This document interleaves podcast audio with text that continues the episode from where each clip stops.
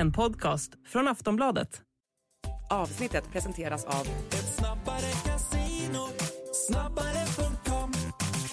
Stödlinjen.se, åldersgräns 18 år. Jag sätter 50 spänn på ett underskottsmål alla Calmfors. Vi kan Jag sätter kolla. emot.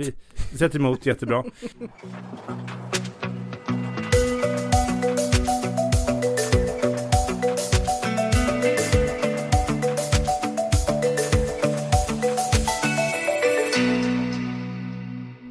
Det rasar en debatt om finanspolitiken i Sverige. Och vi här på Starta pressarna har länge tyckt att vi borde ha ett nytt finanspolitiskt ramverk som låter staten låna till nödvändiga investeringar. Idag ska vi prata med en från den andra sidan, professor Daniel Waldenström, som tycker att en mer aktiv finanspolitik öppnar för en oansvarig ekonomisk politik. Det blir ett dynamiskt samtal i dagens avsnitt av Starta pressarna, en podd från Aftonbladets ledarsida med mig, Daniel Suonen. Ja, välkommen Daniel Waldenström. Tack så hemskt mycket Daniel. Du är professor i nationalekonomi vid Institutet för näringslivsforskning, IFN. Och det ska bli väldigt kul att prata med dig. För vi tycker faktiskt väldigt olika. Och vi har bjudit in dig för att vi vill ta reda på varför. Eh, och jag tror att vi har väldigt olika utgångspunkter hur man som ser hur ekonomin fungerar. Hur, hur, hur liksom mekanismen eh, fungerar och mekaniken. Och jag tror att också vår syn på historia skiljer sig åt. Vad det var som hände i Sverige på 70 80-talet och framåt. Och det ska vi resonera om idag. Och förutom dig Daniel Wallenström som, som strax kommer in här så har jag med mig i studion också mina kollegor på Katalys, Anna Gerin, min kollega och biträdande chef. Ja, hej. hej hej. Och jag har också med mig som vanligt Max Järnek eh, som är vår samhällsekonomiska utredare. Hej hej. Och idag fick du prata om räntan i Aftonbladet. Just det, ja. Mm. Eh, och vi tänker innan vi går in här så våra lyssnare har ju hört ordet ramverk. Det är vanligare än romarriket här på Katalys, att vi tänker på det. Men kan du berätta lite om, om det här, liksom vårt synsätt och den här debatten som nu som råder? Ja, jag tänkte bara en kort förenklad sammanfattning innan vi, vi startar här så att alla hänger med. Så det finns alltså, man kan säga två sätt att stabilisera ekonomin och se till att arbetslösheten och inflationen hålls i schack. Vi har finanspolitiken och penningpolitiken. Och finanspolitik, det handlar ju om att politikerna använder statsbudgeten, att staten spenderar och beskattar på olika sätt. Medan penningpolitiken handlar om att Riksbanken påverkar bankernas utlåning. Och det finns egentligen olika verktyg för det, men idag handlar det ju mest om att man höjer och sänker räntan. Vilket är ett rätt så trubbigt verktyg som vi alla har blivit smärtsamt bekanta med det senaste året så att säga. Eh, när vi har följt skräckhöjningarna eh, under senaste tiden. Och det som hände på 1990-talet, det var att man bestämde i princip att finanspolitiken inte skulle användas eh, för att stabilisera ekonomin. Eh, utan att egentligen bara penningpolitiken skulle ha den här rollen. Och man införde då det här finanspolitiska ramverket som begränsade finanspolitikens manövreringsutrymme. Och så bestämde man att Riksbanken skulle vara oberoende så att den själv fick sätta räntan utan då att politikerna lade sig i. Och som ni hör så begränsades då egentligen politikens roll i ekonomin rejält och, och med det här ramverket och också Riksbankens oberoende. Så det är lite en bakgrund när det kommer till frågor om att stabilisera ekonomin. Ja, och, och så har det varit då sedan 90-talets början och eh, sen i slutet på 90-talet då så, så hittar man på det här ramverket eh, där vi pratar mycket om den här podden. Och du Daniel Wallenström, eh, du skrev nyligen en debattartikel. Alltså vi har ju varit med kan man säga så, och skapat den här debatten tror jag man kan säga under tio års tid. Där vi liksom lyft fram behovet av ett nytt ramverk. Eh, och det ska vi prata om i den här podden. Du skrev ju då eh, nyligen på Dagens Nyheters debattsida att, att liksom, du kritiserar långtidsutredningen och jag tror också att du kritiserar indirekt eller direkt Finanspolitiska rådet som också har svängt lite i den här frågan ganska kraftigt. Alltså flera institutioner har ju svängt väldigt kraftigt från att bejaka det nuvarande ramverket till att säga vi behöver något nytt, alltså lite grann släppa Vi kanske skulle tyglarna. säga bara att, att, eh, att långtidsutredningen nu, det är Finansdepartementets utredning som sker vart fjärde år tror jag och nu har de kommit fram till att man borde ha en annan balans mellan penningpolitik och finanspolitik. Att den politik som har varit nu under de senaste 25 åren sedan Riksbanken blev självständig, att det har varit för mycket eh, ansvar hos penningpolitiken och de vill se att finanspolitiken går in och tar ett större ansvar och eh, det är väl det lite som du Daniel har, Daniel Wallenström har kritiserat. Kan inte du berätta lite grann om din artikel, men också bakgrund. Du riktar kritik då mot långtidsutredningen och Lars Calmfors då förslag som, som man kunde höra om i den här podden, avsnittet strax innan jul, som har fått viss uppmärksamhet. Och detta går du då i polemik mot. Kan du berätta om din artikel? Vad är det du kritiserar och vad är det du ser som är fel med de här förslagen? Ja, det gör jag gärna. Tack så hemskt mycket för att jag får komma hit och prata om det här och det egentligen var ett av mina syften med att skriva den här artikeln. Det var att jag kände en liksom växande grad av frustration. Men den här utredningen, när den kom, tyckte jag lyfte jätteviktiga och intressanta eh, frågor. Det här är sånt som vi behöver diskutera. Och sen kom ingen diskussion. Det blev nästan tyst efter den här utredningen den, när den presenterades i december. Den föll som en sten till marken. Ja. Förutom typ att vi har pratat om den och jag har skrivit om det. Men det är typ det enda pressarbete som har skett. Det är Katalys pressarbete kring Finansdepartementets långtidsutredning. Det är ganska lustigt. Ja men precis, Lars Calmfors har skrivit lite kröniker och, och, och sådär och, eh, och det tror jag eh, det kanske inte var, de, hade, de hade nog kanske gjort bättre från sig om de hade gått till den privata sektorn och begärt hjälp om eh, lansering. Eller Katalys. Eller Katalys för den delen, men det är så pass viktiga frågor och vad, vad, som, vad som var lite budskapet precis som Anna sa här så var det ju eh, lite den här eh, ifrågasättandet av ramverkets eh, konstruktion som det är idag eh, och eh, pekar, och inte bara att den ifrågasätter, de pekade ganska tydligt mot olika sätt vartåt de tyckte att det skulle kunna gå och för mig blev det här, det var det som gjorde att jag höjde på ögonbrynen. Jag hade hört lite grann om det här arbetet. Jag har inte varit delaktig i den här utredningen, långtidsutredningen. Jag var faktiskt lite delaktig i den som kom 2019.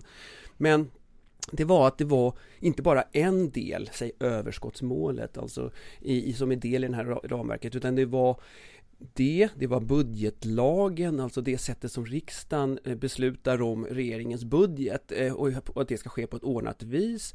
Det var eh, diskussionen om skuld, statsskuldens nivå, önskade nivå och en sak som kom, som jag tyckte var väldigt intressant men också överraskande, det var just att, precis som Max nämnde här, att minska rågången mellan finanspolitiken och penningpolitiken, alltså mellan regeringen och Riks, Riksbanken, som ju vi då på 80-talet, Bengt Dennis, han var ju dit, tillsatt som, som riksbankschef av eh, den socialdemokratiska finansministern. Alltså där samarbetade man i princip, kanske till och med så att eh, politikerna gav order till, till Riksbanken om vad som skulle göras den här rågången eh, ifrågasattes också och jag tyckte att det här var jättespännande och intressant eh, men också då revolutionerande på ett sätt som jag känner, hej, och det här måste vi diskutera. Och jag kanske inte håller med om allt, men så blev jag så paff över att ingenting sades. Och då kände jag, men någonting måste, och jag kan vi flika in med när det gäller varför jag gjorde det här. Jag har ju alltid, jag har hållit på mycket med ekonomisk historia, jag faktiskt doktorerat i det.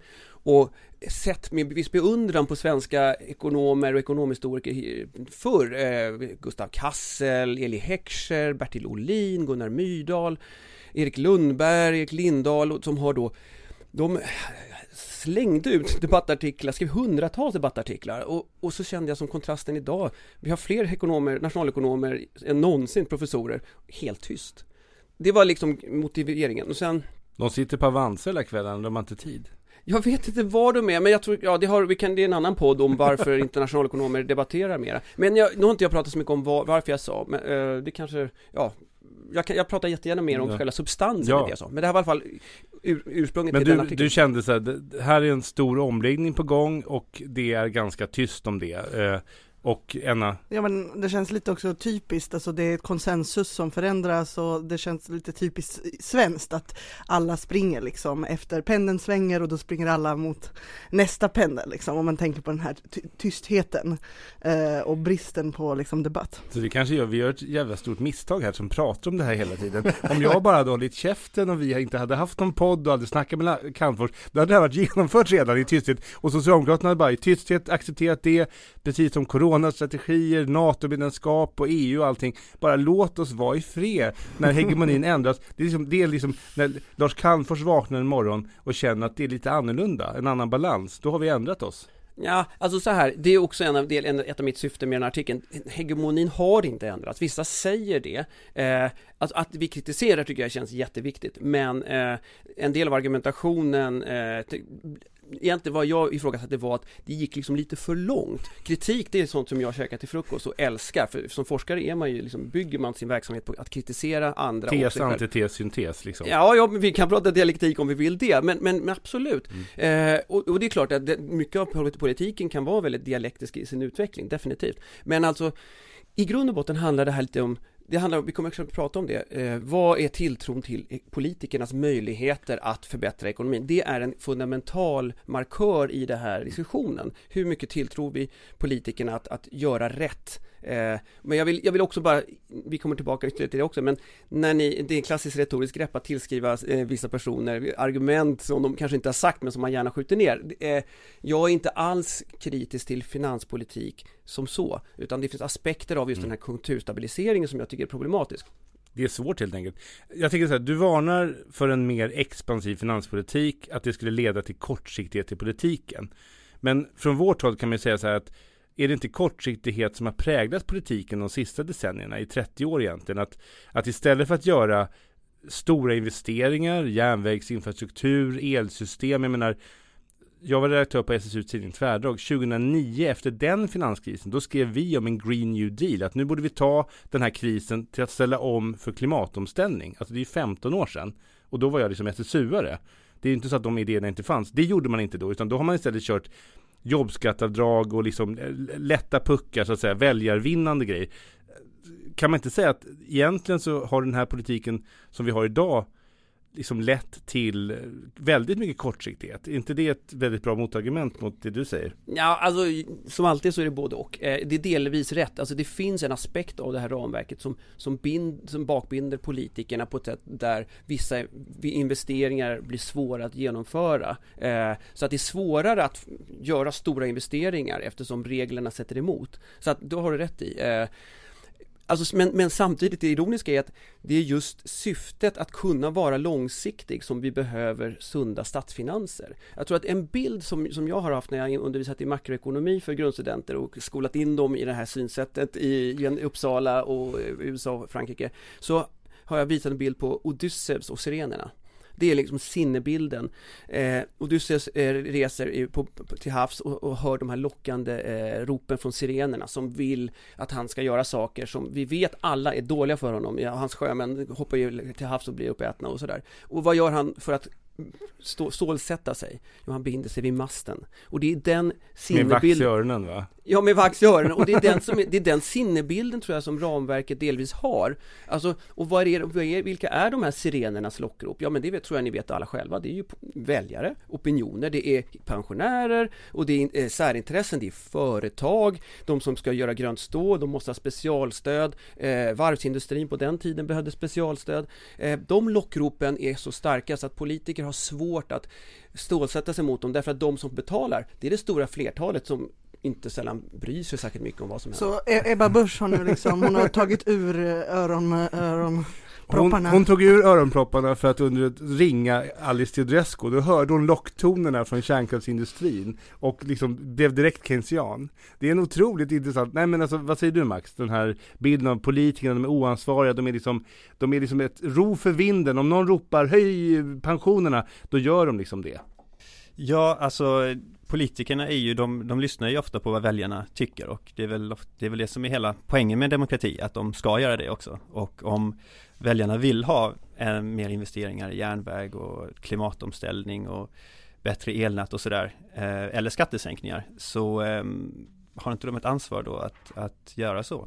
Nej men absolut. Eh, så här, vi ska komma ihåg att finanspolitik, det är både det vi pratar om att stabilisera konjunkturer i lågkonjunktur, det klassiska keynesianska synsättet. Vi blåser på i lågkonjunktur, men, eh, och det, det, är ganska lätt att göra, medan i högkonjunktur att dämpa, dra ner, det, det, är ofta svårare, för det är inte lika kul. Eh, att höja skatten i högkonjunkturen eller minska på eller, ja, eller minska på bidragen. Men, men du har helt rätt Max, att man, man gör det. Vi ska komma ihåg att huvud, alltså varje år spenderar eh, stat och kommuner och regioner 2500 miljarder på olika sorters finanspolitik. Det är vård, skola, omsorg, eh, försvar, eh, polis och liknande så att vi, det, det sker jättemycket så. Faktum är att det sker nästan mest i Sverige i hela världen. Vi ligger i topp fem åtminstone när det gäller det. Så att, vi, så att, att än, göra ännu mer därutöver, det är då man börjar liksom börja tvingas till att göra, gå bevis på varför är det här nödvändigt. Och när det gäller investeringar, det är där lån till exempel kan vara nödvändiga därför att det är inte rimligt att alla idag, medborgarna, ska finansiera utgifter som kommer att avkasta till ekonomin kanske i 40-50 år eller 70 år. Då är det rimligt att framtida generationer bidrar med att betala, amortera av ett stats, statslån. Jag hörde en sån här på Folk och Försvar snacka med en borgerlig politiker, jag ska inte säga vem.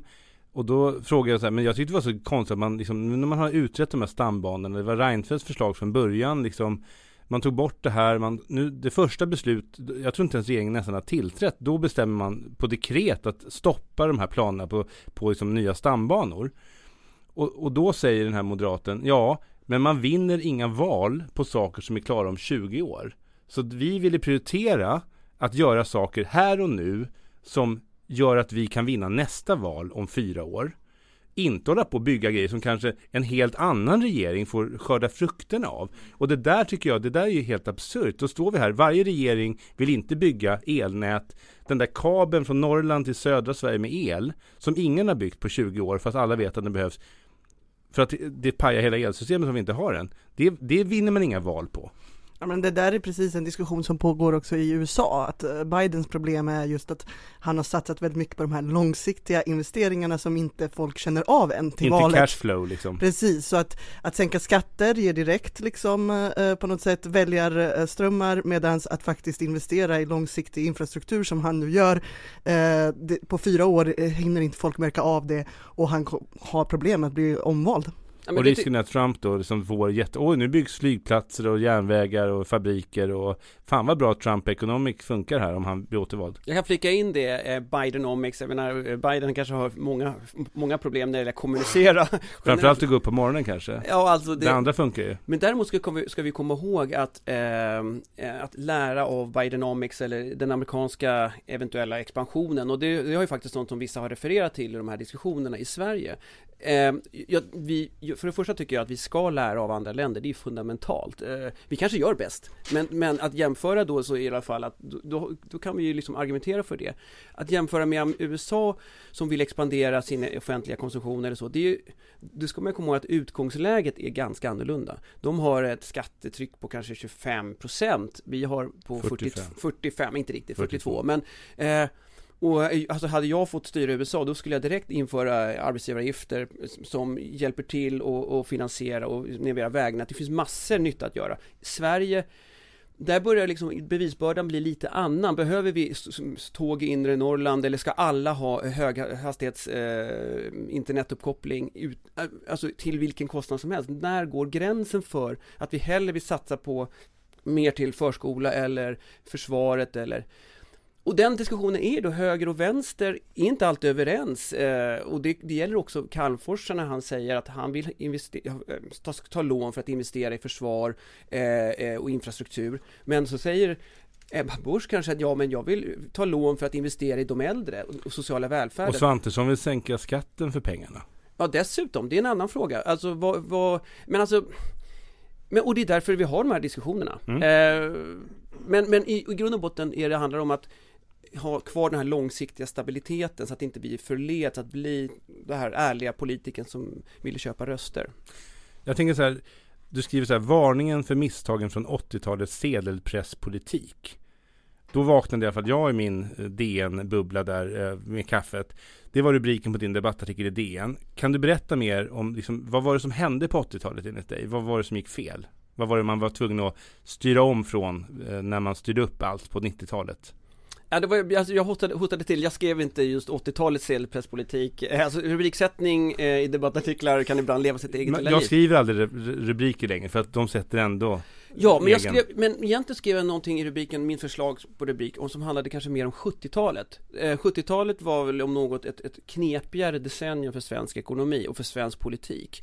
Eh, och här, här är det ju väldigt tydligt att, eh, om vi ska gå och prata eh, skuld till dålig politik så kan vi då är det ju alla väldigt skyldiga, inte minst den borgerliga regeringen, slutet på 80-talet, där det 70-talet. Eh, förlåt, slutet på 70-talet. Så Att, eh, det här är om vi tar det väldigt koncist, eh, med risk för att jag säger dåligt eller fel, men alltså 70-talet var ett uppvaknande för hela västvärlden. Helt plötsligt, den, liksom, den maskin, det maskineri som vi hade sett efter kriget eh, hackade betänkligt av flera skäl. Eh, vårt samarbete med USA, Bretton Woods som det kallades då, valutasamarbete, föll mycket på grund av av Vietnamkriget som skapade extrema skulder. Eh, vi, våra produktioner av stål och varv och sånt där, det, det konkurrerades ut av Asien som kom. Mm. Så att vi, vi var liksom eh, Amerikansk bilindustri, den sveptes ju nästan bort av den japanska bilindustrin. Det var en extremt uppvaknande för dem. Eh, och vad, vad gjorde vi åt det? Jo, vi försökte överbrygga en del av de här eh, eh, chockerna, Eh, ni vet oljeprischockerna gjorde Mm. allting dyrare. Det är lite parallellt Och vi var en, enormt oljeberoende. Ja, vi var enormt oljeberoende och den, den typen av chocker är lite som pandemichocken när man stängde ner världshandeln. Det blir som en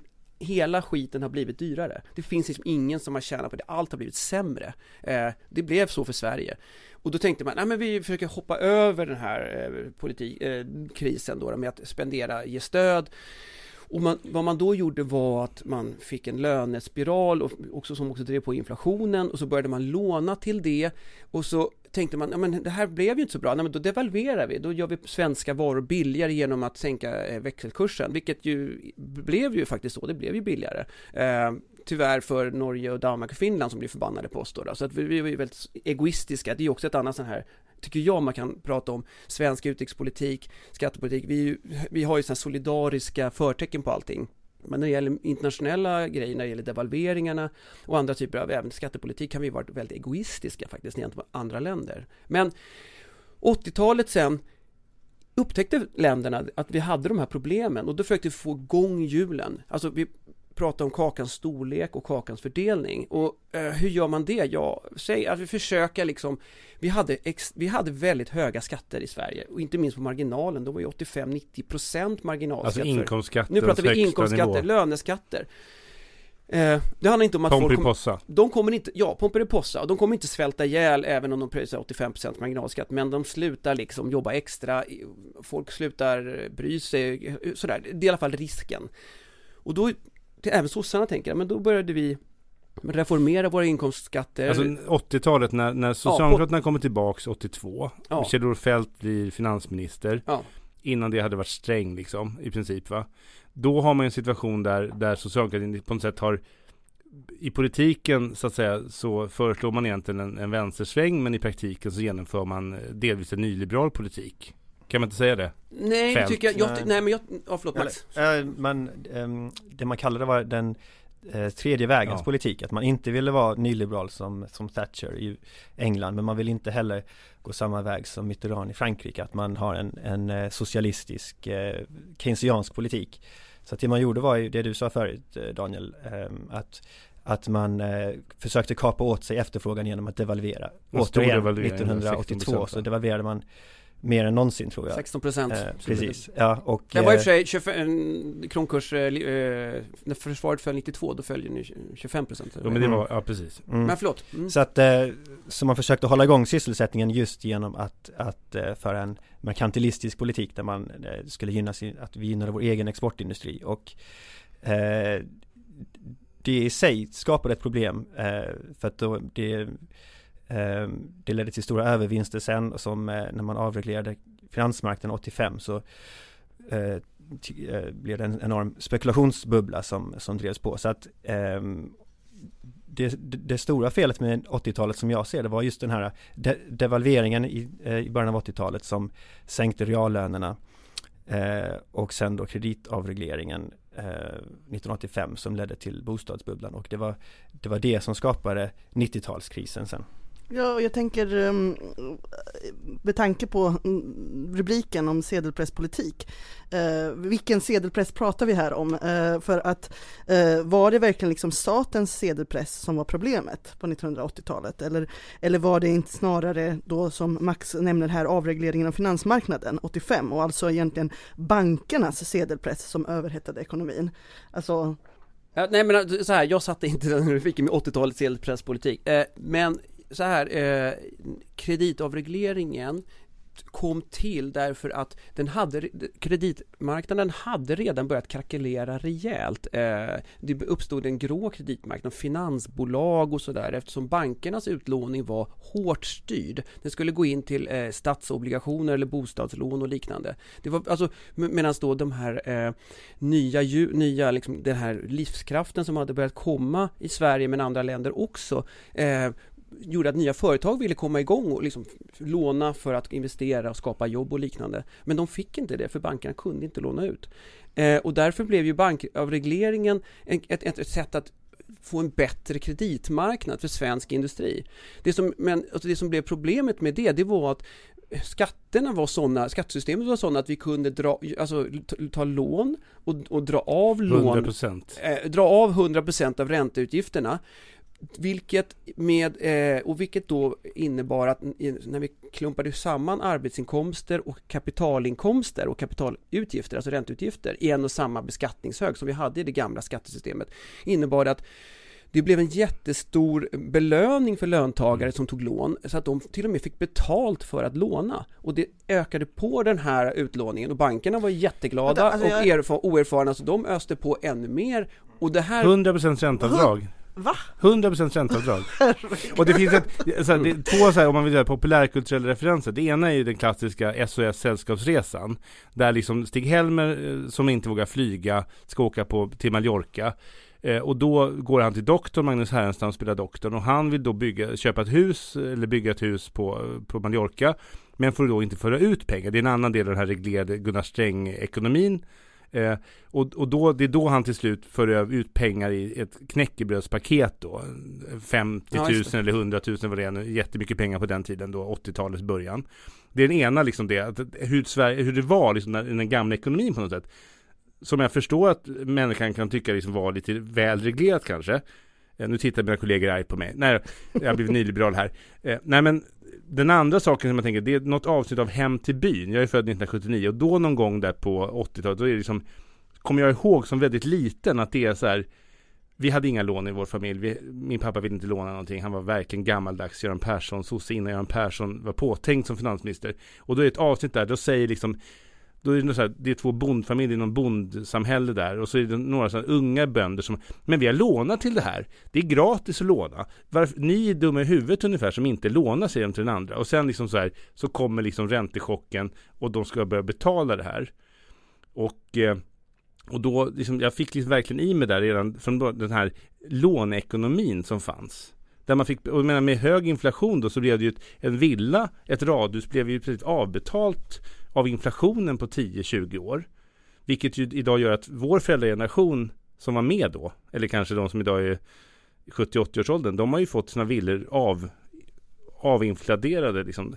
Men eh, visar inte det här, det var ju det här privata lånekalaset då, och bubblan som spräcktes och det blev en finanskris. Och liksom det är kausaliteten här, eh, statsskulden ökar ju som ett symptom av, av den privata skuldsättningens liksom bubbla.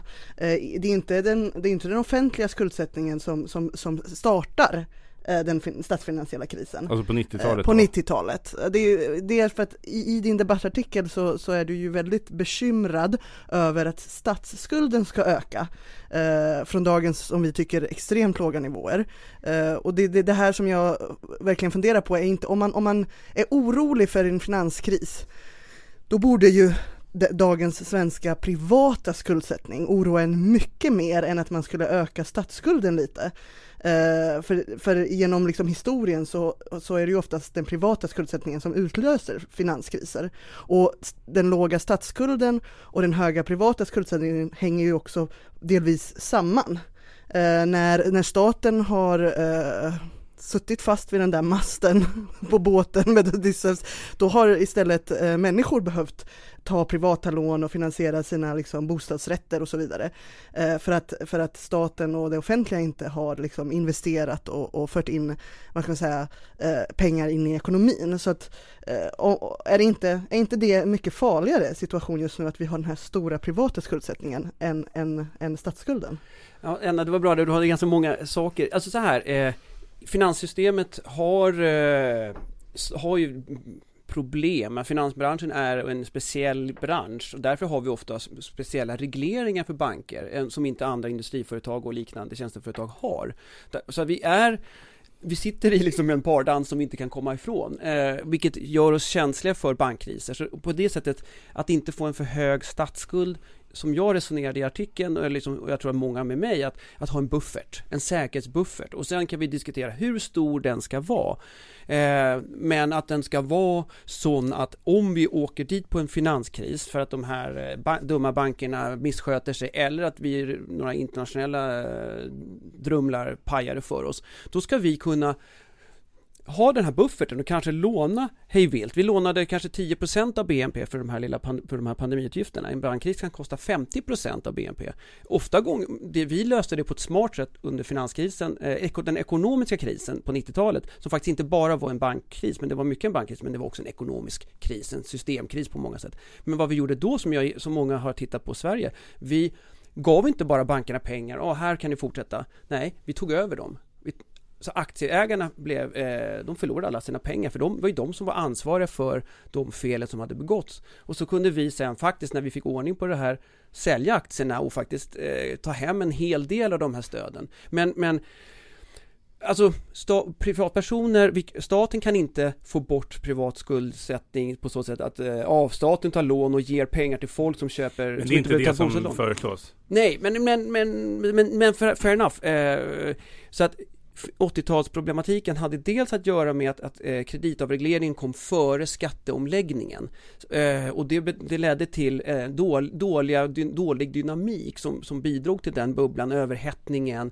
Och vi, hade, vi fick ju hög inflation och höga löner och det blev en, det var stora problem så att det, det, det, är, mm. väl, det är väl, ja. Men eh, det som Enna var inne var på var att eh, om man tänker att det finns tre olika sätt för ekonomin att växa. Att den kan antingen att, att efterfrågan antingen kan, kan, komma från export eller så kan den komma från att den privata skuldsättningen ökar eller så kan den komma från att staten ökar sin skuldsättning. Och om man då eh, Exporten är ju svår för Sverige att, att öka ännu mer. Vi, vi, är ett väldigt starkt exportland, har väldigt stort handelsöverskott. Så att det eh, finns begränsat utrymme för att öka det. Eh, och den privata, eller om man, om man då håller den, den statliga skuldsättningen låg så finns det egentligen bara ett, ett Eh, en källa kvar till efterfrågan och det är ju den privata skuldsättningen. Så att genom att hålla en stram finanspolitik så, så eh, finns det bara ett sätt som ekonomin växer på och det är genom att den privata skuldsättningen ökar. Det är inte bättre då att ha en balans där, där man eh, ser till att statens skuld ökar istället för den privata? Mm, alltså, till, när vi pratar tillväxt så pratar vi om inkomster eh, och skapa, skapa avkastning på kapital och att arbetare är, produktiva och det här är en bra, ska vara en bra, eh, vi skaffar jobb och sådär. Att skuldsätta sig handlar ju om att man tar de här, gör de här investeringarna i ett hus eller i, ett, i en, en järnväg eller i en dyr eh, energiuppgörelse så, som kommer då kanske löpa över 50-100 år. Eh, och det är klart eh, vem som ska stå för det här och det här är ju någonting som det är en ständig läroprocess. Eh, och vi har blivit bättre och, det, och jag tycker också vi ska hela tiden komma ihåg, jag tycker det känns i det här samtalet ändå att vi, vi förstår någonstans att det inte är antingen eller. Utan det, vi måste vara pragmatiska och en del, det måste vi påminna oss själva om att det är inte antingen statliga lån eller inga statliga lån, utan det kan vara men, statliga lån men lite mindre än vad vi, även är vad ska jag säga, det, det, är en pragmatism jag tycker måste, man måste komma ihåg. Och det är inte så att vi inte ska ha något ramverk, utan vi ska ha ett annat ramverk. Max, vad tänker du? Jag tänkte fråga lite mer om det här med, du sa att det är viktigt att man har en buffert, att om det blir en finanskris så måste statsskulden kunna öka mycket. Um, och du motiverar det i din, i din debattartikel med att, att staten kan hamna i en skuldfälla om, om det är så att statslåneräntan överstiger tillväxten så hamnar staten i en skuldfälla. Men eh, statslåneräntan är ju någonting som, som vi själva bestämmer. Det kan ju Riksbanken bestämma att den ska vara noll om den vill det. Um, och även tillväxten går ju att påverka genom att ha större investeringar. Så att de här två variablerna som du menar kan försätta oss i en skuldfälla, de är ju, det är någonting som vi själva kan påverka. En av dem har vi full kontroll över, statslåneräntan. Och en av dem har vi, kan vi påverka genom våra investeringar.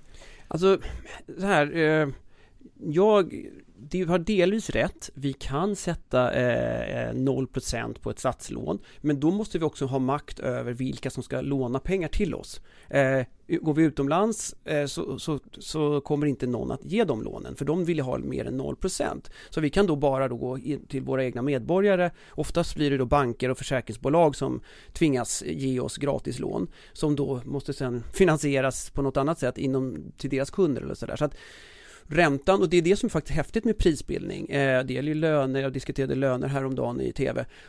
Prisbildningen vet vi ju inte vad, vad är rätt pris, vad är rätt ränta? Det är det som jag tycker är häftigt med en, en, en, en ett samspel mellan köpare och säljare. Eh, när det gäller, eh, så att det kommer inte heller staten ifrån, om man inte då ska använda makt mot eh, sina in, inhemska medborgare. När det gäller sen det här som tillväxten, eh, att vi investerar i, för att få tillväxt. Vi kan investera, alltså offentliga sektorn kan ju satsa för att trycka upp e, e, aktiviteten i ekonomin och det är det vi kanske vill se under lågkonjunkturer. Renovera skolor eller ja, olika sorters åtgärder, få folk i jobb som annars går på gatorna och svälter ihjäl. Men, eh, men det är inte den tillväxten egentligen som ekonomin vill ha på sikt. Där vill vi ju ha den som är den här underliggande eh, kraften att vi gör saker och ting bättre. Vi får LED-lampor som bara får bättre ljus till mycket, mycket mindre elproduktion. Det är tillväxt. Mm. Ja, och eh, för det behöver man också ganska mycket infrastruktur och eh, och, och eh, utbildning och så vidare som, som, staten förser ekonomin med. Ja.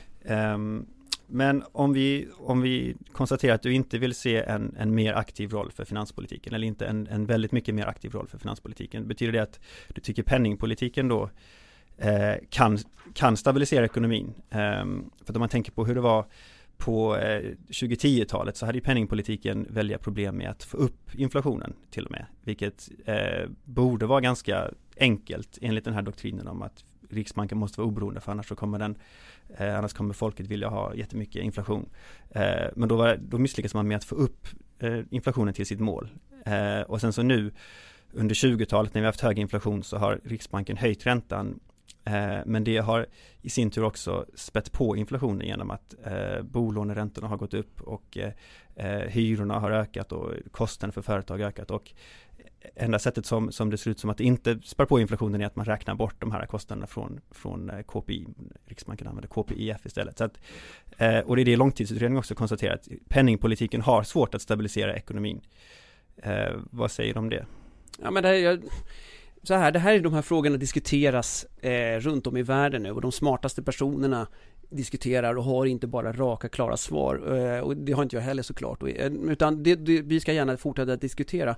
Eh, för jag tycker en sak som jag vill lyfta fram och som jag tyckte jag försökte nämna i min hårt nedbandade artikel, det var just att det finns faktiskt i alltså, alltså skatter och utgifter en ganska aktiv konjunkturstabilisering idag. Det handlar om de här så kallade automatiska stabilisatorerna.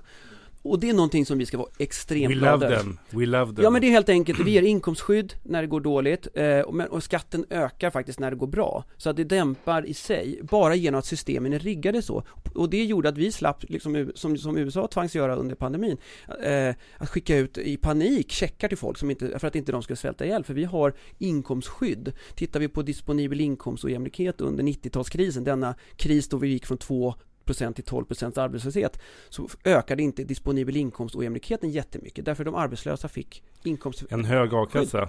Ja de fick en, en a-kassa precis. Och den, en hög a-kassa Den var hög Den var hög, den var hög. Och det är så att säga, och det är stabiliseringspolitik som, som finanspolitiken faktiskt har idag. Och den, den är viktig. Dessutom har finanspolitiken också gjort saker som ROT. ROT-avdraget var direkt diskretionär, alltså konjunkturpolitik på 90-talet. Kommunerna får lite, brukar få mer i statsbidrag under när, och då fick det då 0809 Inte nu, inte nu, inte nu med den här regeringen. Ja men de har fått det, ja de har fått det liksom efterhand och pytsat på lite extra. Men, men det är då fel sätt tror jag. Medan penningpolitiken, det som Max frågar om Ja, nej, penningpolitiken har inte det här stabiliseringsansvaret utan de har prisstabilitetsansvaret och de har ett medel för det i princip, eh, räntan. Eh, den, ibland går det hand i hand att stabilisera ekonomin men det finns ibland, jag tycker långtidsutredning kanske har en liten tendens att gå tillbaka till någon sorts makrogrundboksmodell eh, eh, där man renodlar att i en öppen ekonomi med rörlig växelkurs då är det penningpolitiken som står för stabiliseringspolitiken men det stämmer faktiskt inte. Att den, eh, Håller du med oss då? Så att, håller du med Max påstående då? Ja, det gör jag. Att, och, och, jo, och de, men de, de, de, de lyfter eh, i långtidsutredning och det är det som folk diskuterar att när vi får väldigt låg inflation eh, och räntan inte riktigt verkar bita och det är då kan finanspolitiken, kan regeringen, finansministern hjälpa till att få öka liksom inflationsnivån och kanske få igång och det är sånt vi diskuterar. Men det måste man, ja. för, för jag fråga då som inte är, jag har ju också då pluggat ekonomisk historia. Alltså det är ju helt rimligt att om det är klart att om, om en stat, för det här tycker jag att nationalekonomin är faktiskt nästan teknisk idiot som en teknisk idiot. Därför att om man lyssnar på de mest renläriga nyliberala neoklassiska nationalekonomerna så säger man i princip så här. Om staten skulle ta ett lån på säg 100 miljarder på ett år och 100 miljarder året efter och därmed gasa på ekonomin med 1,5-2 procent av BNP då har det ingen som helst effekt på sysselsättningen i det långa loppet. För i det långa loppet så tar de där pengarna slut och marknaden så att säga. Jo men dels kan man ju så att säga, om man gasar ekonomin så kommer det ju hända saker. Man bygger en miljon bostäder över 20 års tid och man bygger nya stambanor som tiotusentals människor jobbar med, hundratusen kanske. Det är klart att det får effekter. Dels tillfälligt. Men dels också att du, du bygger ny infrastruktur. De här bostäderna kommer att finnas där, stambanorna kommer att finnas där. Det är ju dels en effekt på längre sikt som får positiva förhoppningsvis följder. Du bygger ett kärnkraftverk som regeringen nu är inne på. Kostar 100 miljarder och ger jättemycket el om 30 år. Vi vet inte om vi behöver så mycket el då och vad priset är på elen. Men detta är ju då en investering. Och då säger liksom nationalekonomerna, det här har ingen som helst effekt. Alltså att göra de här investeringarna, det har egentligen ingen effekt på sysselsättningen och på tillväxten Lars på lång sikt. Det här Lars Jonung menar att om man gör någonting tillfälligt, och tillfälligt kan ju också vara väldigt lång tid. Jag menar efterkrigstiden var ju en lång tid av expansion, utbyggnad. Hade det ingen effekt? Att vi hade en jättestark stat som i perioder lånade, men framförallt finansierar man ju det här med, med, med skattepengar. Gunnar Sträng jag menar ibland får man höra när man säger vi vill ha bättre pension eller vi vill ha liksom, i det här fallet då bygga saker. Ja men hur ska ni finansiera det? Ja, men man kan ju höja skatterna och finansiera det. Jag är inte främmande för det. Och man kan i vissa fall då till investeringar låna för att bygga stambanor som ska vara i 100 år eller kärnkraftverk som är igång om 30 år. Det är ju liksom, det är klart att det får påverkan på tillväxten, på sysselsättningen, på ekonomin, hur samhället fungerar.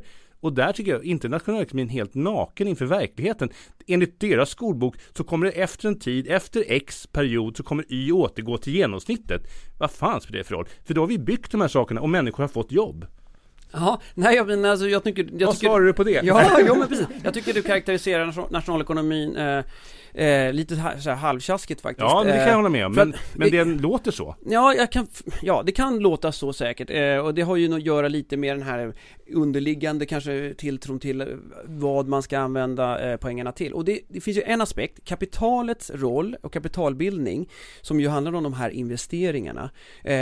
Har faktiskt spelat huvudrollen i, i nationalekonomernas syn på faktiskt vad som driver tillväxt eh, ganska lång tid. Och där i ingår infrastrukturinvesteringar eh, och där tycker jag det är ändå statens, och det tar alla för givet att det, vi ska tillhandahålla en, en utbildad arbetskraft eh, till, eh, med en ut, utbildad arbetskraft och, och, infrastruktur och liknande.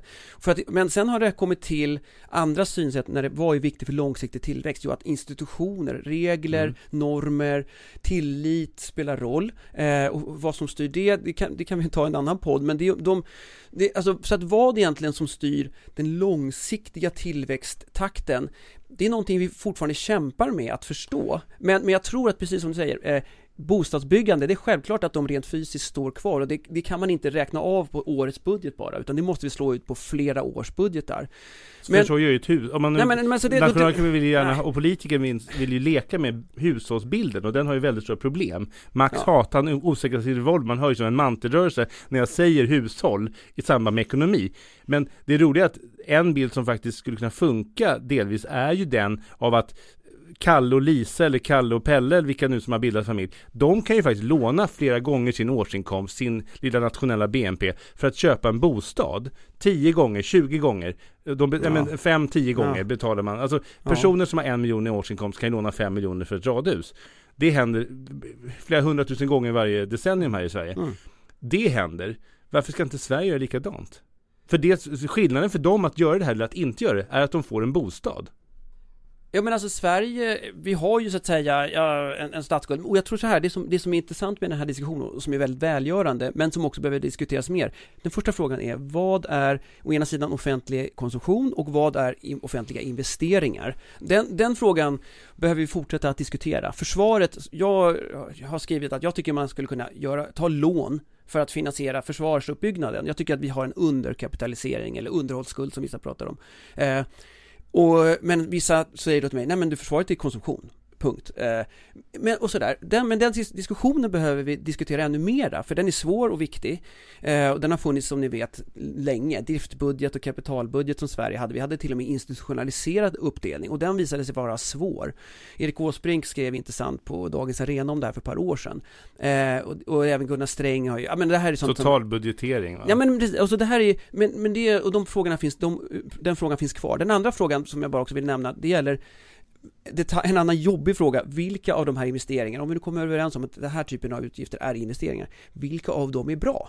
Och, och vilka är eh, sådana Det är nästa som... fråga, om man, om man bestämmer att man ska investera så är ja. nästa fråga, vilka investeringar Exakt. ska vi ha? och det är klart, en del av det handlar om politiken, politik. Vilka visioner har vi av vad som är viktigt att satsa på? Klimat, kärnkraft, vägar, Norrland, eh, eller, eller, eller, eller ålderdomshem, alltså det finns ju mm. den, och bostäder. Man kan och då, och då, det här är också bara liksom, eh, vi kan låta Transportstyrelsen utreda vilka sorters investeringar i transportnätet är hållbara på sikt eller skulle gynna samhället och så. Och får vi beta av, jag menar eh, bostadsbyggande är ju självklart viktigt men jag, ni kanske såg någon artikel för någon månad sedan om nybyggda hyresrätter i förorten som ingen, där, där det inte fanns någon kö men de var, stod tomma för de blev för dyra. Eh, så medan bostadskön, det här var alltså Stockholms stads bostadskö, fortfarande jättelång kö på innerstadslägenheter som var billiga medan de, de dyra nybyggda Så du för marknadshyror, kan vi inte ta det i en annan podd? Nej men, jag, nej, men poängen är bara så här. Det spelar roll vilken,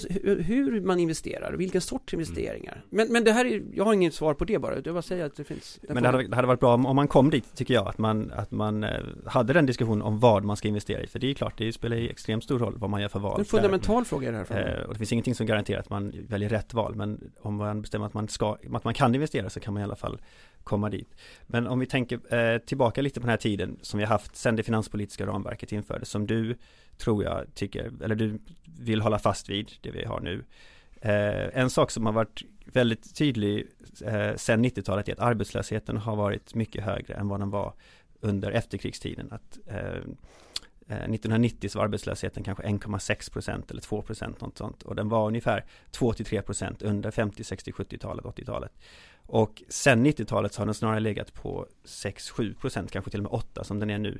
Och eh, en anledning Eh, enligt mitt sätt att se på saken är att man, man stabiliserade aldrig ekonomin efter 90-talskrisen. Man reagerade på 90-talskrisen helt fel. Man hade en extremt Eh, restriktiv penningpolitik och en restriktiv finanspolitik när man egentligen borde gjort tvärtom eftersom vi hamnade i en, i en depression eller en så kallad balansräkningsrecession eftersom eh, den privata sektorn väldigt belånade behövde betala av sina skulder och därför så eh, var staten den enda som kunde fylla ut det här eh, tomrummet.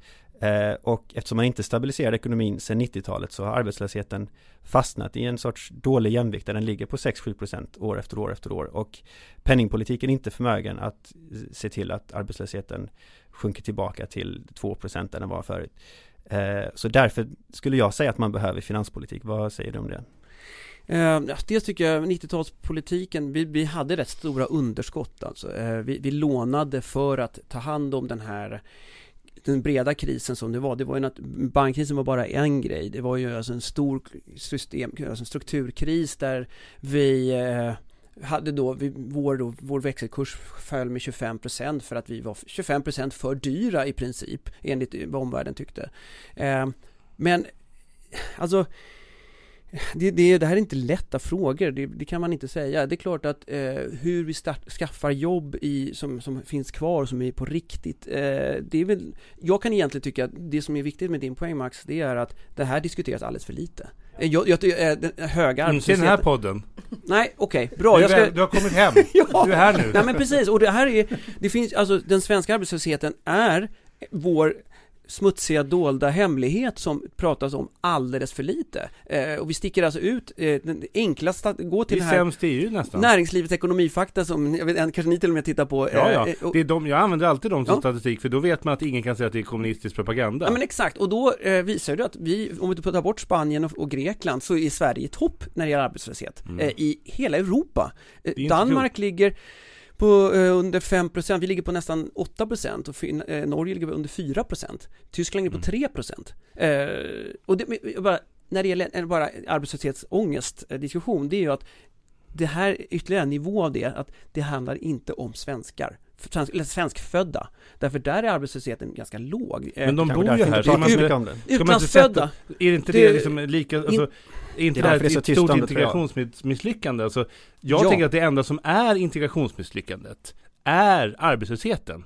Sätter man de här människorna i arbe- i arbete, utbildning för, för arbete och så vidare, då kommer väldigt många andra problem lösa sig. Jag tror att det är ju den gamla socialdemokratiska synen att jag tror inte det finns några integrationsproblem om folk har jobb, bra skola och samhället funkar. På marginalen behövs Boende. socialpolitik. Ja, bra boende som inte är så segregerat som det är idag. Eh, alltså, jag tycker att det här, det finns en diskussion om att här, arbetslösheten är inget problem för det drabbar bara invandrare. Dåliga skolor är inget problem för det drabbar bara invandrare. Men de är ju här. Ja, vi har ett riksdagsparti och en regeringsunderlag nu som har en annan plan. De ska utvisa en, två miljoner människor. Men när jag träffar folk i näringslivet, de behöver ju folk. Det här är ju så att säga Sveriges guldreserv. Att vi har faktiskt ett par, tre hundratusen kvinnor som har invandrat till Sverige de sista 15 åren. Som skulle kunna tas i arbete, tas i anspråk. Och de kan jobba har man ju sett nu under pandemin när sysselsättningen hos invandrare har ökat eh, eh, spikrakt uppåt just för att det råkade bli lediga jobb i hotellbranschen till exempel och i, i vården på grund av pandemin. Så att den här idén att, att, att det skulle vara deras eget fel att de inte kan jobba, eh, det stämmer inte. Jag vill också lägga till, alltså jag tycker det är intressant att du eh, Daniel tar upp just det här eh, att ingen pratar om arbetslösheten. För att om man, om man också tittar i den politiska debatten så har ju de här frågorna helt försvunnit. Alltså för, förr i Sverige så vann man val på frågor om jobben, Ja, anklaga sossarna om att inte fixa jobb Ja. till folk, så att säga. Så att det har skett ett enormt skifte i den politiska dagordningen, i den politiska debatten, i vad partierna pratar om. Alltså från de här ekonomiska frågorna då eh, och mer höger-vänster-frågorna till, till det här kulturkriget som pågår runt oss hela tiden eh, med SD i spetsen. Liksom. Men det, det, eh, det är inte bara att liksom, vi vill gärna här prata om arbetslöshet och full sysselsättning och hur vi eh, får till det, men, men de frågorna har ju verkligen dött ut i En, den en, politiska debatten. en intressant sak var att när vänster, vi presenterade ett ramverk, vi, är aktiva i den här, som tankesmedjan Katalys då, aktiva i den här liksom, diskussionen. Samtidigt som vi presenterade vårt förslag på Dagens Industris debattsida så hade Vänsterpartiet en DN debattartikel om ett ramverk där de föreslog då ett underskottsmål på 1% om inte jag missminner mig. Och då noterade du Max att de nämnde inte arbetslösheten i sin artikel. Det måste ju vara historiskt. Nej, det handlade bara om att, om att välfärden skulle skyddas och att man ska göra investeringar. Det var därför man behövde en ny finanspolitik. De skrev, det, vad jag kunde se så stod det ingenting om att man borde sänka arbetslösheten.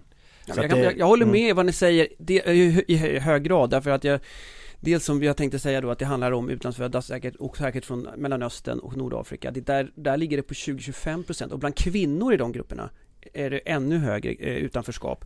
Men, och då skulle jag vilja säga så här, Men de tar redan hand om sina barn och sina menar- sjuka föräldrar och gubbar och Alltså det här är ju personer, men om man tänker att vi har en vårdkris där man behöver anställa människor och pensionsavgångar och kvalitetsförbättringar som vi vill se då Det, det kommer ju behåll, behåll, behövas människor i välfärden Det här är ju människor som med, som jag tänker, ganska måttliga utbildningsinsatser Instegsjobb, gå bredvid Svenska kunskaper om det behövs, eller i början så att säga skulle kunna komma in i arbete, viktiga jobb där de blir en tillgång och inte en belastning som då en del ser. Men då behövs arbetsmarknadspolitik Och då behövs det är en, hel, det, det, det är en helt nästa egen podd.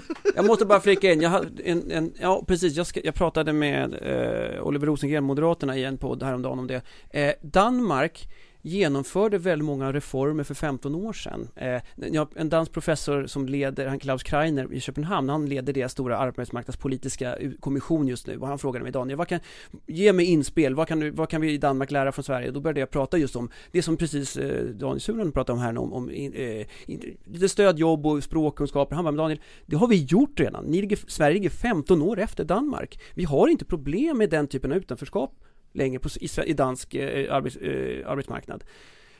Ja, jag håller med, det är en annan podd. Men när, när, varenda gång man hör Sveriges arbetsmarknad är urstark, som man hör, eh, då, då, då, kan man, då, då, tycker jag att man behöver ta ett steg tillbaka och fundera. Om vi går tillbaka lite till långtidsutredningen eh, så, så har ju Lars Calmfors då som vi också nämnt, han gjorde en bilaga till den eh, som heter Nytt ramverk för finanspolitiken. Och eh, han anser ju då att man behöver lånefinansiera till investeringar. Eh, och eh, hans förslag är då 0,5 procent eh, underskottsmål. Eh, och upp till en statsskuld på upp till 50 procent va? Och vi hörde Vänsterpartiet föreslog 1 procent, vi föreslår upp till 3 procent. Eh, Nästa bud! ja. men jag undrar bara, håller du med Lars Calmfors att det här behövs eller är du skeptisk till den här modesta 0,5 procentaren också? Jag, jag, jag tror egentligen så här, eh, jag, vi har pratat om överskottsmål i Sverige under lång tid och nu har det överskottsmålet eh, svälts bort så att det är nästan jättelågt. Eh, och att, att övergå till något sorts, sorts balansmål, att budgeten, ut, intäkter och utgifter ska balansera över en konjunkturcykel är det tycker jag känns som en självklar långsiktig grundregel. Kommunerna kör på den, bostadsrättsföreningar måste köra på den, alltså hushållsekonomier behöver köra på den. Semesterkassorna som vi kör, vi kör dem på kredit och sen betalar man av i september, oktober. Ja men lite så, lite så är det ju faktiskt. Och, och så, med, så att jag skulle, man kan konstatera att vi har en statsskuld idag som ger utrymme att låna en hel del faktiskt för att komma upp till vår nuvarande målsättning på 35% Vi skulle kunna låna upp 500 miljarder i runda slängar för att nå den här 35 nivån. Eh, och det, så redan inom dagens ramverk kan vi faktiskt göra ganska mycket. Skulle det gå åt helvete med, med, med krig och då kommer vi kunna då kan vi omdefiniera konjunkturcykel till ganska, vara ganska lång. När men, Putin är död så att säga, då, då slutar konjunkturcykeln. Ja. Så att, eh, så här, nu kan jag kan ju lite de här detaljaspekterna huruvida vi ska ha underskottsmål. Jag kan tycka att det finns ett hotfullt signalvärde att ge politikerna lite för mycket power eh, och att göra så, de där, många av de där tenderar att eh, gå upp väldigt mycket under valåren och sådana här saker. Eh, vi såg ju pensionsreformerna eh, som förra regeringen hade när det gällde eh, garantipensionsreformen som ju var kom ju ut tre veckor före valet eller något sådär eh, till garantipensionärerna. Så att, men, så vi, jag tycker vi till mitt svar till Lars Calmfors skulle jag säga, ja men vi kan faktiskt låna ganska mycket redan idag inom ramen för nuvarande ramverk. Men bara upp till 35 då? Ja, men det är fortfarande, det är, det är, 500 miljarder är inte kattpiss utan det är, det är, det är slantar alltså och där eh, och sen kan man säga så här, ja vi kan låna, vi kanske kan låna ännu mera för det är 35 plus minus 5 procent även i nuvarande ramverk. Eh, och då skulle jag vilja mot, Då är det 250 miljarder till. Ja, men motfrågan blir så här, okej, okay, men till vad? Det, det tycker jag är den utmaningen som man ska ställa till alla de som vill ha. Och jag vill inte då höra klimatet, eh, framtidsutmaningar eh, och försvaret. Nej, exakt. Vad pratar vi om klimatet? Vad, vad är det? I, eh, och vägar? Ja, men ge mig de, Transportstyrelsens, eh, eller, för de detaljerna måste faktiskt upp på bordet. Eh, gärna nu ja. alltså. Man, eh, jag tycker att man borde börja i den änden. Börja med att säga vad behöver vi låna till? Vad har vi för olika behov? Och vad har vi för olika tillgångar? Hur mycket arbetskraft har vi? Hur mycket, hur mycket stål har vi? Hur mycket betong har vi? Hur mycket kan vi köpa? Eh, och vad behöver vi göra? Börja i den änden och se de här sakerna måste vi göra och de här råvarorna och tillgångarna har vi. Eh, och sen bestämmer man hur mycket man ska låna efter det. Så att eh, istället för att som nu att man bestämmer ett helt, en helt godtycklig summa och sen säger man nu ska vi börja spendera och sen får vi se vad det, vad det räcker till. Det är bättre att börja i de behov som finns och de tillgångar som finns, de reala tillgångar som finns så att man inte lånar för mycket och överhettar ekonomin eller lånar för lite och inte bygger de här sakerna som vi behöver. Men då om vi faktiskt kollar på de behov som finns så är de ju gigantiska nu framöver. Det är ju det som är problemet, alltså 0,5 procents underskottsmål kommer ju inte räcka till de behov som vi har. Eh, om man kollar på de här stora omställningarna som ska ske till fossilfri ekonomi, alltså hela industrin ska ställa om, klimatomställningen, du har försvaret, VA-systemet, tusen miljarder. elnät, elektrifiering, VA-system, eh, bostäder. Alltså vi har ju liksom en eh, enorm investeringsskuld, 30-årig investeringsskuld. Eh, Så att då är frågan liksom, kommer det här, kommer det här räcka? Vi tror ju inte ens Calmfors förslag räcker och absolut inte det här balansmålet och 35 procent Men alltså det här, du säger 30 Av år BNP. investerings, Mm. 30 år investeringsskuld. Alltså Sveriges ekonomi var på, gick på knäna efter att vi åkte på de här smockan i 90-talskrisen. Sen har vi nu balans i våra statsfinanser. Vi kan låna inom ramen. Eh, Eh, och det här med behov ska man också komma ihåg.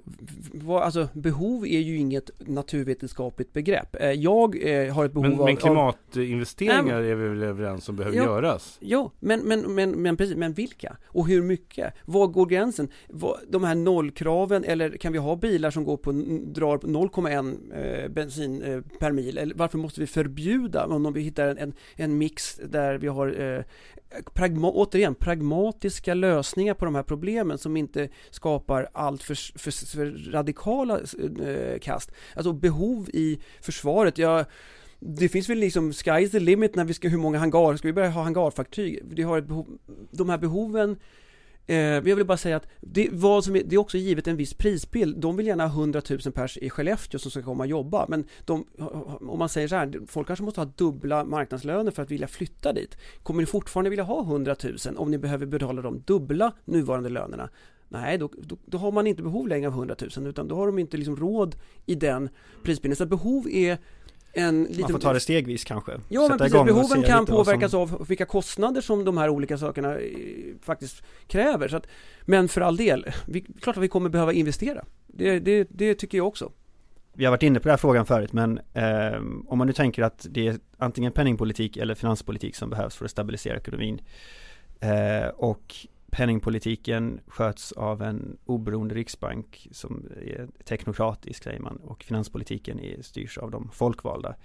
Eh, och detta har ju använts som ett argument för att ha penningpolitik just som du säger att de, då kan man binda den ekonomiska politiken vid masten. Då behöver inte den lyssna på folkets sirensång. Men ser du något demokratiskt problem med att ha den här ordningen med att, att liksom den icke folkvalda teknokratin styr över ekonomin medan de folkvalda inte har någon makt över det utan istället måste diskutera kulturella frågor och annat som inte spelar så stor roll.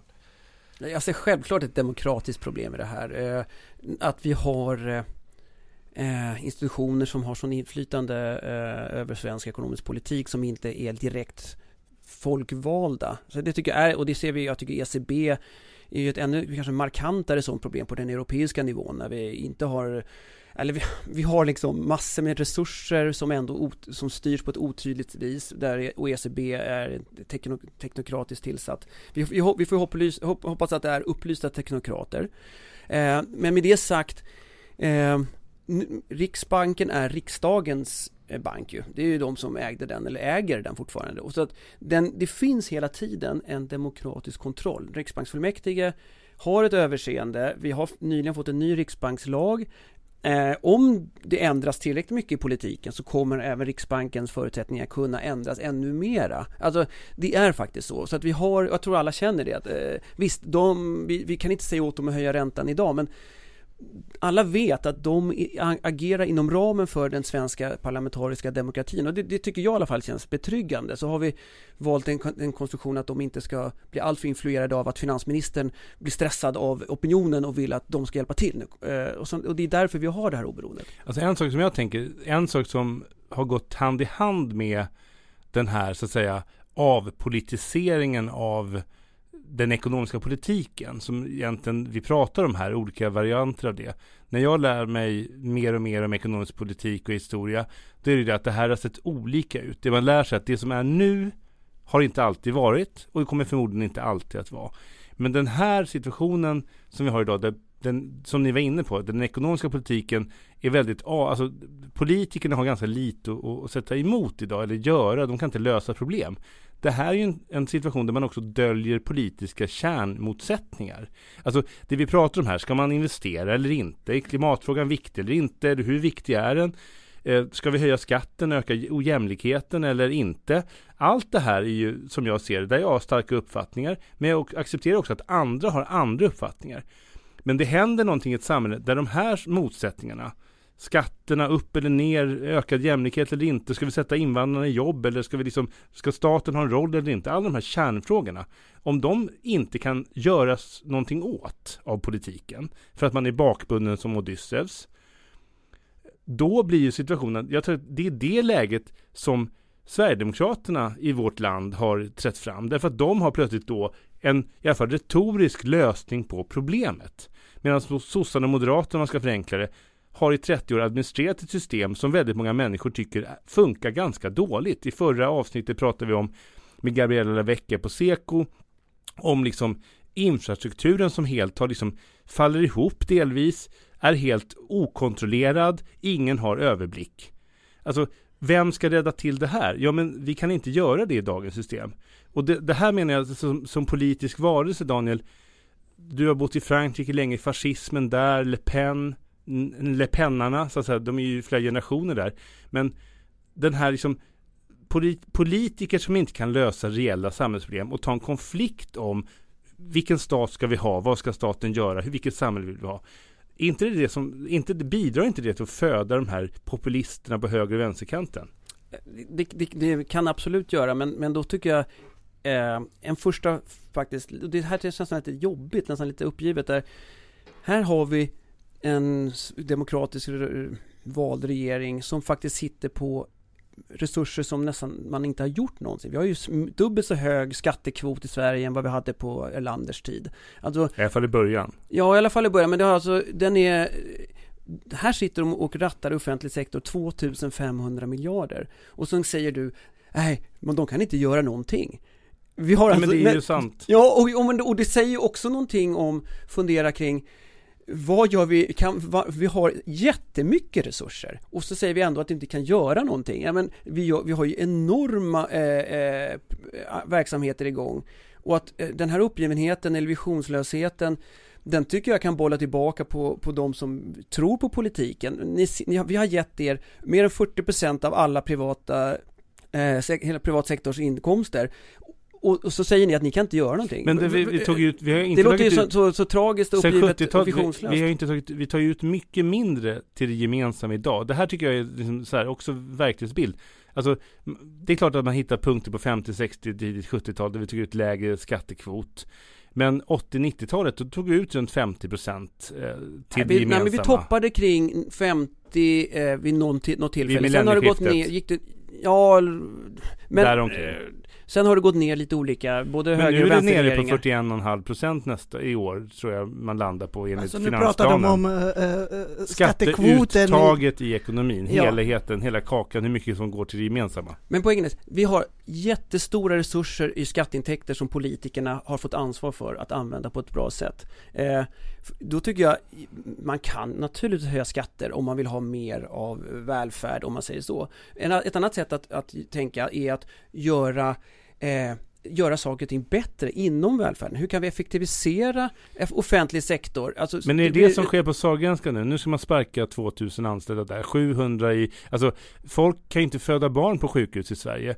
Alltså, jag... jag Trots att alltså, vi samlar in eh, nästa, nu är nummer fem i världen på skatteintäkter men, i, ifrån ett ekonomiskt men storlek. Du säger liksom, ja absolut, men om man kollar vad som har hänt är ju att man har ju sänkt den totala skattekvoten av BNP med 8 procent liksom, sen millennieskiftet ungefär. Ja. Så att, 500 så att, miljarder per år mindre i skatteuttag. Ja, per år. Så att det är klart att det har en effekt på att det man gör är ju nedskärningar. Det är ju det folk har sett i 20 år nu. Nej, det är, att, nej, det är, inte, det är inte det, utan... Jo, det är det nej, nej, det är det inte alls det, utan eh, rent sådär eh, matematiskt är ju en, en, en minskad kvot i det här fallet är att vi kanske inte ökar skatteintäkterna, men, men kakan, ekonomins storlek har vuxit. Så att vi får Eh, politikerna har samma eh, resurser och eh, privat sektor har vuxit. Eh, men, vi är en, men per capita? Och per capita? Vi är ju med fler människor. Jo, jo, ja, okej, okay, per capita, men jag tänkte som skatt, vi pratar skattekvoten här. Jo, men alltså en person som, alltså så här, en miljard, jag menar bara detta enkla faktum att med den här inflationen, det vi haft nu så för några år sedan så kunde man rä lätt räkna att liksom B1% av BNP var 50 miljarder. Nu är det nästan 60 miljarder. Liksom näst, alltså, det är en otrolig liksom Så att offentlig sektor har inte haft fler kronor. Nej, det är mycket sant. Men vi är fler medborgare, större behov. Och då måste man ändå säga att Fler om man skär äldre. ner om man skär ner, ja fler, mycket fler äldre, det kommer ju öka, alltså om man lägger 8 procentenheter som andel av hela kakan på välfärd, det är klart det får konsekvenser. För mig är det självklart, alltså vi är ett samhälle där vi lägger mer på Tesla-bilar och nya kök hos en besutten medelklass. Det är det vi lägger mer på. Och så lägger vi mindre på offentliga investeringar och sjukvårdsplatser. Men så här, effektiviseringsargumentet. Menar du nu att det som det Elisabeth Svantesson nu skapar fram i Sverige, Sahlgrenska sjukhuset, minus 2000 anställda, de klarar knappt vården som det är idag. De har minskat oerhört mycket hur många vårdplatser man har, hur mycket personal man har, fast göteborgarna har aldrig varit fler. Är det en effektivisering som du vill se? Tycker du det är bra, det som händer nu i vården? Nej, alltså jag, jag kan inte svara på den frågan, för jag kan inte det, men jag vill bara säga Jag tror det är jättedåligt, jag tror det är väldigt ja, enkelt. Det, det, nej, det är inte enkelt. Eh, Så, jag menar, såklart har ju liksom pensionskostnaderna i regionerna Men, en eh, stor vården, del i, i vården. Nej men det handlar ju om, om de som resur, att handhar de resurserna och har, har då fått en pensionssmäll som har tvung, tvingat dem till att göra de här be, besparingarna, delvis ska jag säga. Men, men när det gäller skattesänkningarna under de sista 30 åren, under samma tid så har vi precis som du sa nu, BNP, kakans storlek har vuxit från 50 miljarder, 500 miljarder, 500, 5000 miljarder förlåt, till 6000 miljarder. Reallönen för löntagarna har ju varit 2% per år under den här perioden. Alltså vanliga löntagare har tjänat riktig välfärd på att ekonomin har funkat bättre. Har skatten haft en, skattesänkningarna haft en roll i det?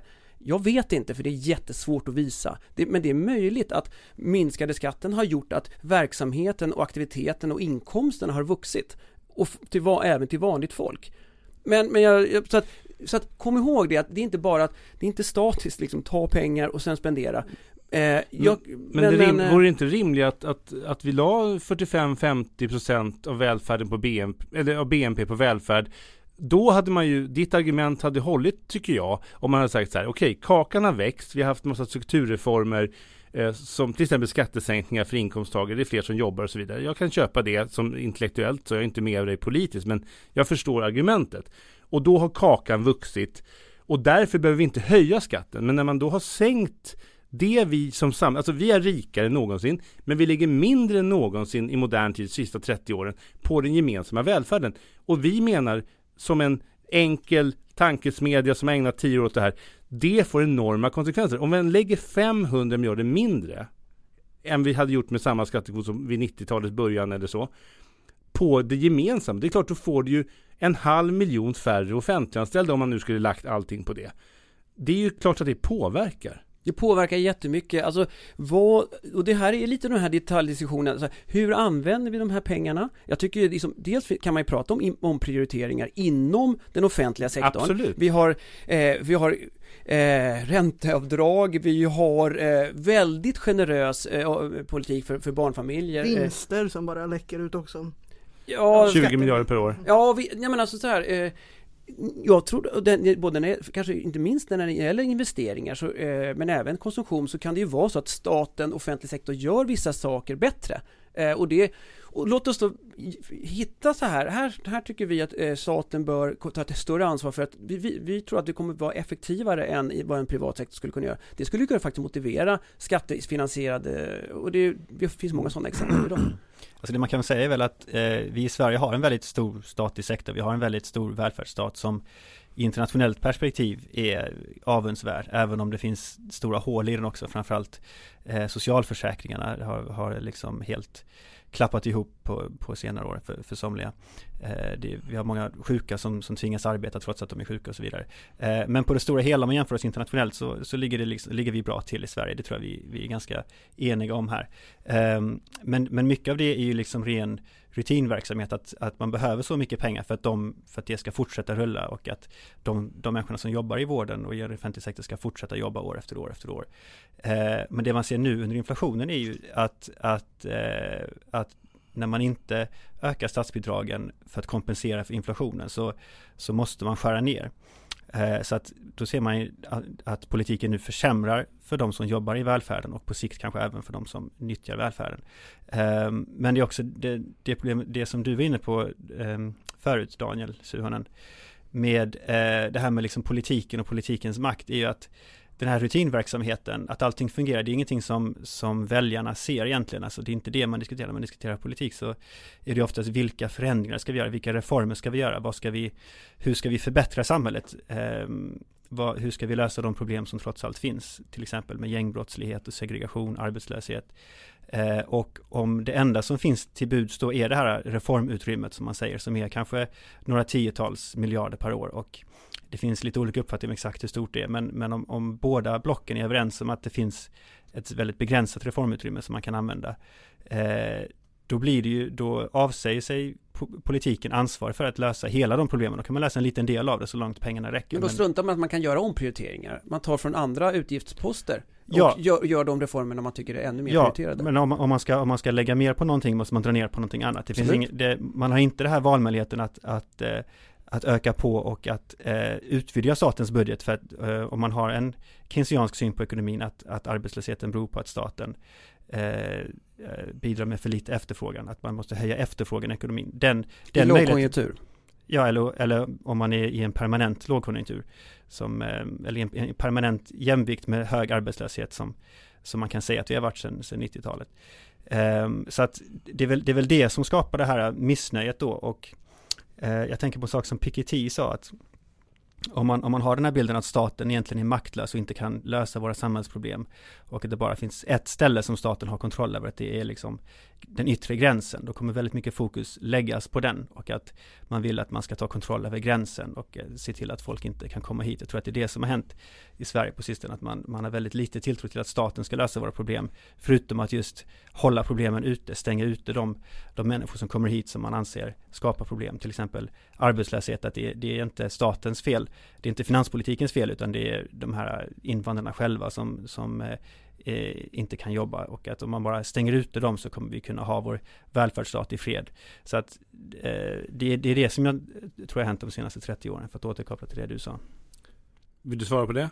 Nej, men jag tror också att eh, eh när det gäller invandring så är det den, kanske den stora chocken mot de europeiska välfärdsstaternas liksom, eh, ja, självbild, sammanhållning, det tror jag, eh, och, och det den är ju väldigt mångfacetterad. Det här är, och jag, men det som vi pratade om tidigare, egentligen är ju problemet integrationen. Alltså och att, att det är brist på folk i halva landet. Ja, men alltså att, att, få folk att, att fungera, blomstra, eh, så att de blir nöjda, deras barn blir nöjda och, och inte förleds till att göra dåliga saker. Alltså, så att det är där mycket av våra insatser, vi ska lära av Danmark. Danmark har faktiskt jobbat med många av de här sakerna redan. Eh, men eh, så att jag, det här är stora frågor, men ja. En kort fråga bara. Om vi möts här om ett år igen, eh, tror du att vi har ett nytt ramverk då? Eller liksom om två år, men liksom, kommer vi få ett nytt ramverk, en annan balanspunkt? Jag kommer de ha gått oss till mötes? Jag tror, jag tror att vi kommer ha ett, jag tror att vi kanske kommer ha ett balansmål. Eh, det, det, tror jag, helt klart. Jag sätter 50 spänn på ett underskottsmål alla Calmfors. Vi kan jag kolla. Sätter emot. Vi sätter emot, jättebra. Det har varit jäkligt kul att snacka med dig, eh, Daniel Waldenström. Eh, kul att du kom hit. Det är roligt när vi tycker annorlunda, när vi pratar med varandra. Och eh, jag tycker det har varit ett jättebra samtal. Du är välkommen åter. Tack Anna Gerin som var här. Tack Max Järnek. Tack Sixten, eh, Sixten Järnek, Sixten Engqvist som sitter bakom spakarna.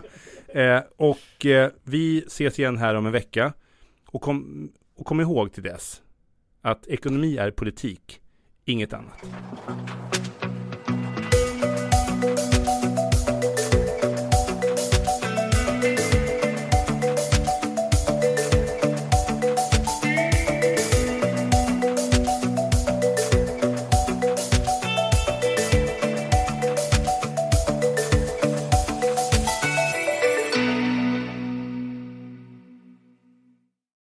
Du har lyssnat på en podcast från Aftonbladet. Ansvarig utgivare är Lena K Samuelsson.